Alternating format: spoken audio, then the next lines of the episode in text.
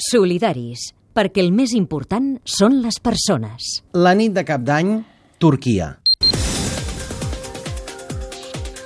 Més de 35 morts i 40 ferits, alguns d'ells greus, és el balanç provisional d'un atac al club nocturn Reina d'Istanbul, a Turquia, segons ha informat el governador de la ciutat. Més de 600 persones celebraven el cap d'any quan tres individus vestits de Pare Noel han disparat contra els clients de la discoteca.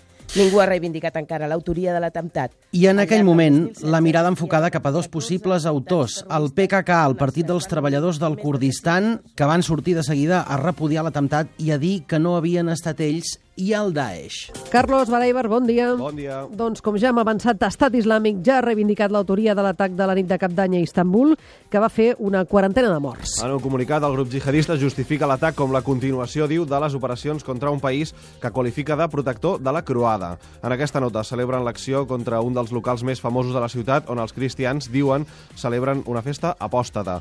Les forces de seguretat turques continuen buscant l'autor de l'atac. En declaracions al matí de Catalunya Ràdio, el, el politòleg Gabriel Garrum, que ha viscut dos anys a Istanbul, ha parlat d'una polarització cada vegada més gran de la societat turca i diu que la discoteca atacada era una icona i un objectiu clar és una de les zones més liberals, més eh, occidentalitzades, si ho volem interpretar així. Per tant, és un objectiu fàcil, clar, directe i d'un missatge molt, molt palpable. No? Eh, Turquia és un país islàmic, Turquia és un país musulmà, això no té cabuda dins de la nostra societat. Per això parlo d'una polarització extrema. Déu nhi quina setmana a Turquia. Abans d'ahir, Esmirna, dues persones mortes, 18 detinguts, i el govern convençut que això és obra dels kurds, que la culpa la tenen els Estats Units per haver-se aliat amb ells en la lluita contra el Daesh. Però cap grup kurd no ho ha reivindicat encara. I mentrestant, com deia el politòleg que acabem d'escoltar, en Gabriel Garrum, la societat turca està cada vegada més polaritzada. Francesa Dalmases, què tal? Bona tarda, bon any nou. Bon any, que sigui un 2017 magnífic, que bona falta ens fa. I valent.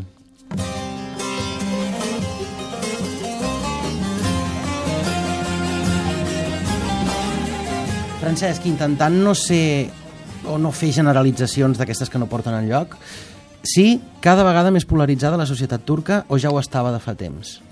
Aquest és el punt, Adrià. És a dir, probablement quan hi ha un atemptat d'aquestes característiques és quan posem el focus, mm. però al mateix temps hem de veure d'on surt tot això. Mm. És evident que no té cap justificació la violència del Daesh, però també és evident que Erdogan eh, ha practicat una política de repressió que inicialment podia semblar que era, per exemple, contra la població kurda, però que al final acaba fent mal al conjunt de la població turca, mm. perquè quan empobreixes la democràcia d'aquesta manera, doncs no tens límits, no tens eh, cap mena de sistema democràtic que pugui protegir els ciutadans i per tant els acabes fent mal a tots. Per exemple, ara que Erdogan està tan enfadat amb el Daesh, cal recordar que precisament va ser en la lluita contra els kurds que ell va fer una, una pinça de facto eh, amb la frontera siriana mm per eh, situar els kurds entre el foc del Daesh i el, i el foc de les, del propi exèrcit turc. Mm -hmm. Si te'n recordes, fa molts anys que es parlava del, del xoc de civilitzacions. Mm -hmm. A, a mi m'agrada molt de fugir aquesta qüestió. És a dir, finalment, de, del que estem parlant és de democràcia i de drets humans arreu del món. Per tant, que estiguin conculcats a menys distància o a més distància no ens hauria d'afectar tant com el fet que estiguin efectivament conculcats. Mm. Aquí a Europa, per exemple, hem estat testimonis de, de guerres cruents als Balcans, que han, sí. que han utilitzat la tradició religiosa, la cultura i les diversitats lingüístiques doncs, per, per a crear enfrontament, però això no vol dir que les tradicions religioses, les llengües o les religions siguin violentes. No ho són eh, el que hem de fer és un aprofundiment democràtic que ens permeti que tothom pugui practicar i que finalment el món entengui que la riquesa de la diversitat no és un discurs buit, sinó que és l'únic discurs per mantenir aquesta diversitat i al mateix temps per mantenir-la en pau. Mm.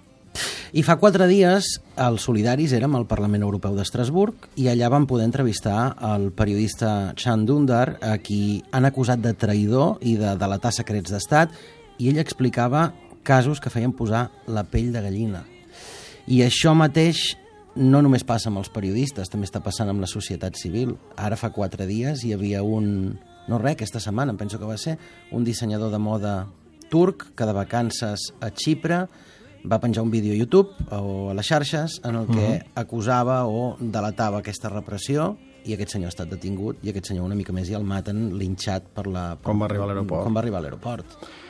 El que et deia, això són exemples de com es va pervertir un sistema democràtic. Però el tema de Turquia ve de, ve de, ve de molt lluny i la manca de perspectiva democràtica d'Erdogan i del seu govern, i el que és més greu, la forma com Europa ha permès aquesta deriva antidemocràtica de Turquia, i no només això, sinó que el fa servir de poli dolent, de poli de fronteres, mm. i li paga una autèntica morterada perquè no arribin els refugiats I que com que encara no li han pagat, l'altra amenaça, que els amenaça deixarà anar. en, en deixar-los passar. Per tant, és, és, és un comportament aberrant eh, des, de, des de Turquia i, per tant, des d'aquí tot el suport a aquelles organitzacions, a aquells activistes turcs que encara treballen per la democràcia dins del país i tot el rebuig a una Unió Europea, no una Europa, eh? a mi m'agrada molt fer la distinció, hi ha europeus que estan profundament determinats i compromesos amb la democràcia, però tota la crítica a una Unió Europea que és incapaç, és incapaç de, de vestir un sistema, un sistema polític que sigui creïble, no? Mm. Més enllà de les normatives de mercats i de com hem d'etiquetar els aliments i de Mm. més enllà de com hem de tractar les mercaderies,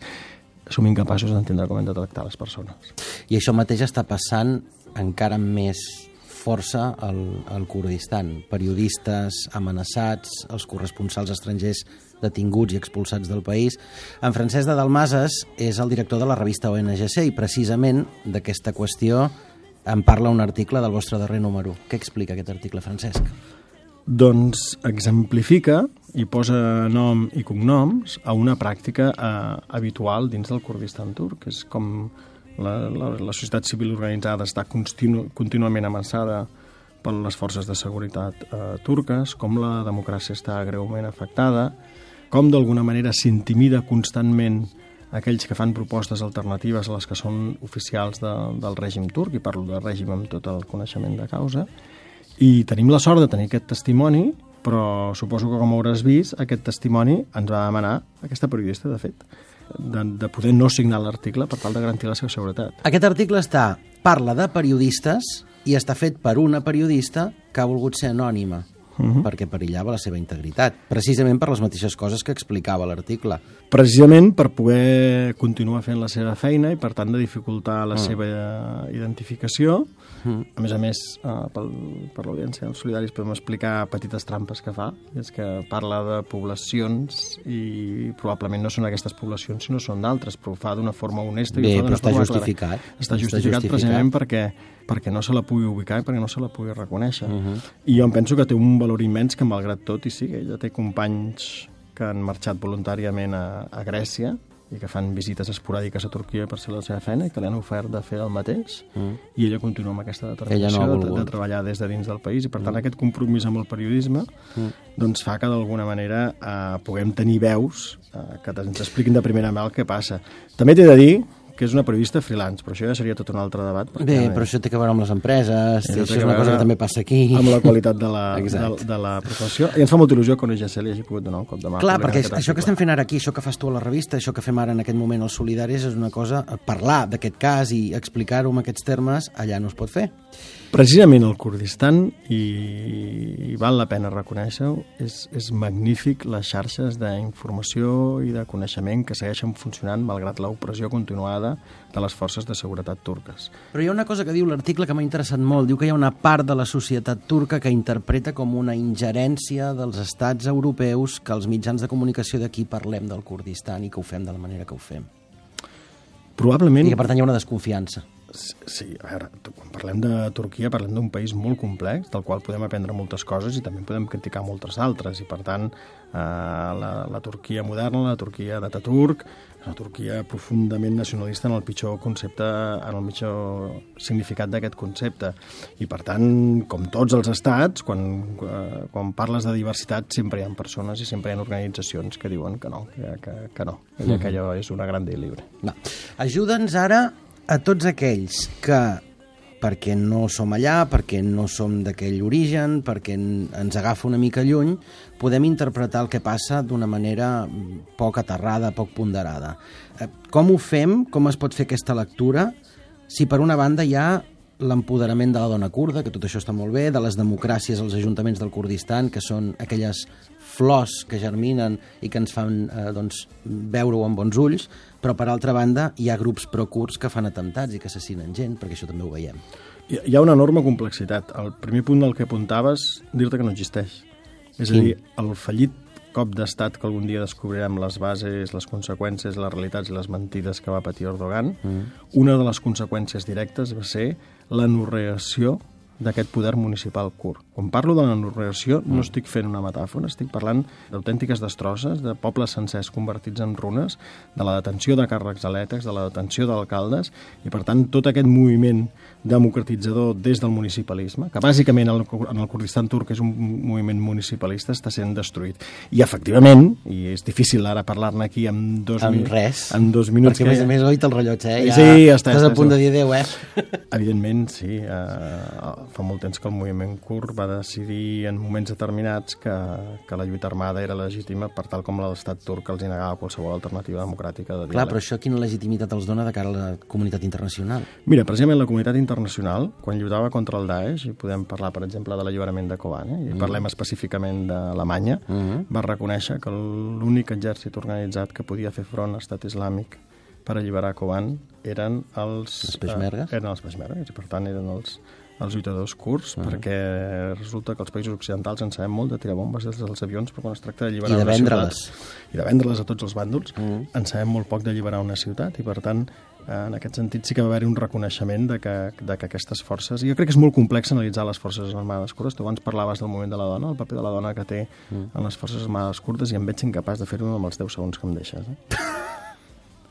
Estava pensant que ara fa un parell d'anys el Solidaris va poder ser el Nefrots a, a, sí? a, a veure que ho digui bé, que no em vull equivocar, Ahmed, sí? que és com es diu el Diyarbakir en, sí? en curt, Uh, hi érem, hi érem, també vam acompanyar els solidaris aquell dia. Aquell, aquell viatge va ser un viatge d'esperança, allà hi havia un inici de procés de pau i tot això s'ha anat a fer punyetes, hem tornat enrere no sé quantes passes. Per això et deia, eh, que és una llàstima parlar com el moviment CUR havia fet una aposta per la pau, una aposta mm. pel diàleg, mm. havia assumit els múltiples entrebancs que havia posat l'estat turc per poder ser la representada, representada dintre les institucions democràtiques kurdes, els ajuntaments, el Parlament, havia superat els vetos, havia estava fent una molt bona feina local, fins i tot havia deixat formalment el debat de l'independentisme per fer una aposta molt forta per l'autonomisme, reforçant molt els municipis i que la resposta de, de l'estat turc hagi estat aquesta detenció, aquesta repressió brutal, doncs fa que sí que hem tornat moltes pantalles enrere.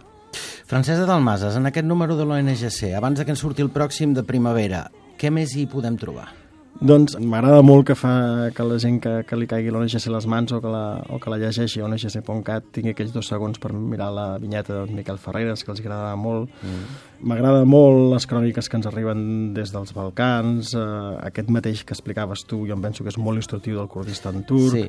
És molt interessant i molt vinculat a això el testimoni que tenim de la comunitat ECO i com Catalunya ha tingut un paper, però també és ah. interessant veure com hi ha iniciatives des de Catalunya que han fet que el terratrèmol del Lapal hagi canviat una mica la fisonomia del país, però que ja estiguem posant el nostre gra de sorra. Mm, I a mi m'agrada molt la carta d'una mare que hi ha en aquest número, que sí. parla del seu fill, de la seva filla. És una proposta que ens va arribar, jo crec que una revista de pensament polític, solidaritat, cooperació, drets humans, eh, no pot deixar de parlar d'això, de la transsexualitat a la infància. Ens va arribar un escrit...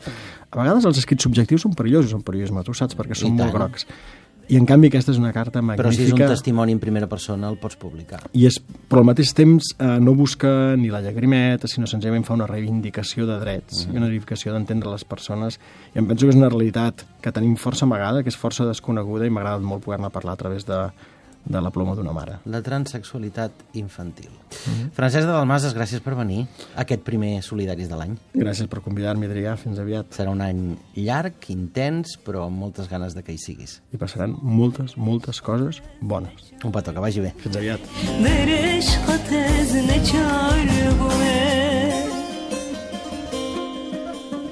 Solidaris. No fem diferències.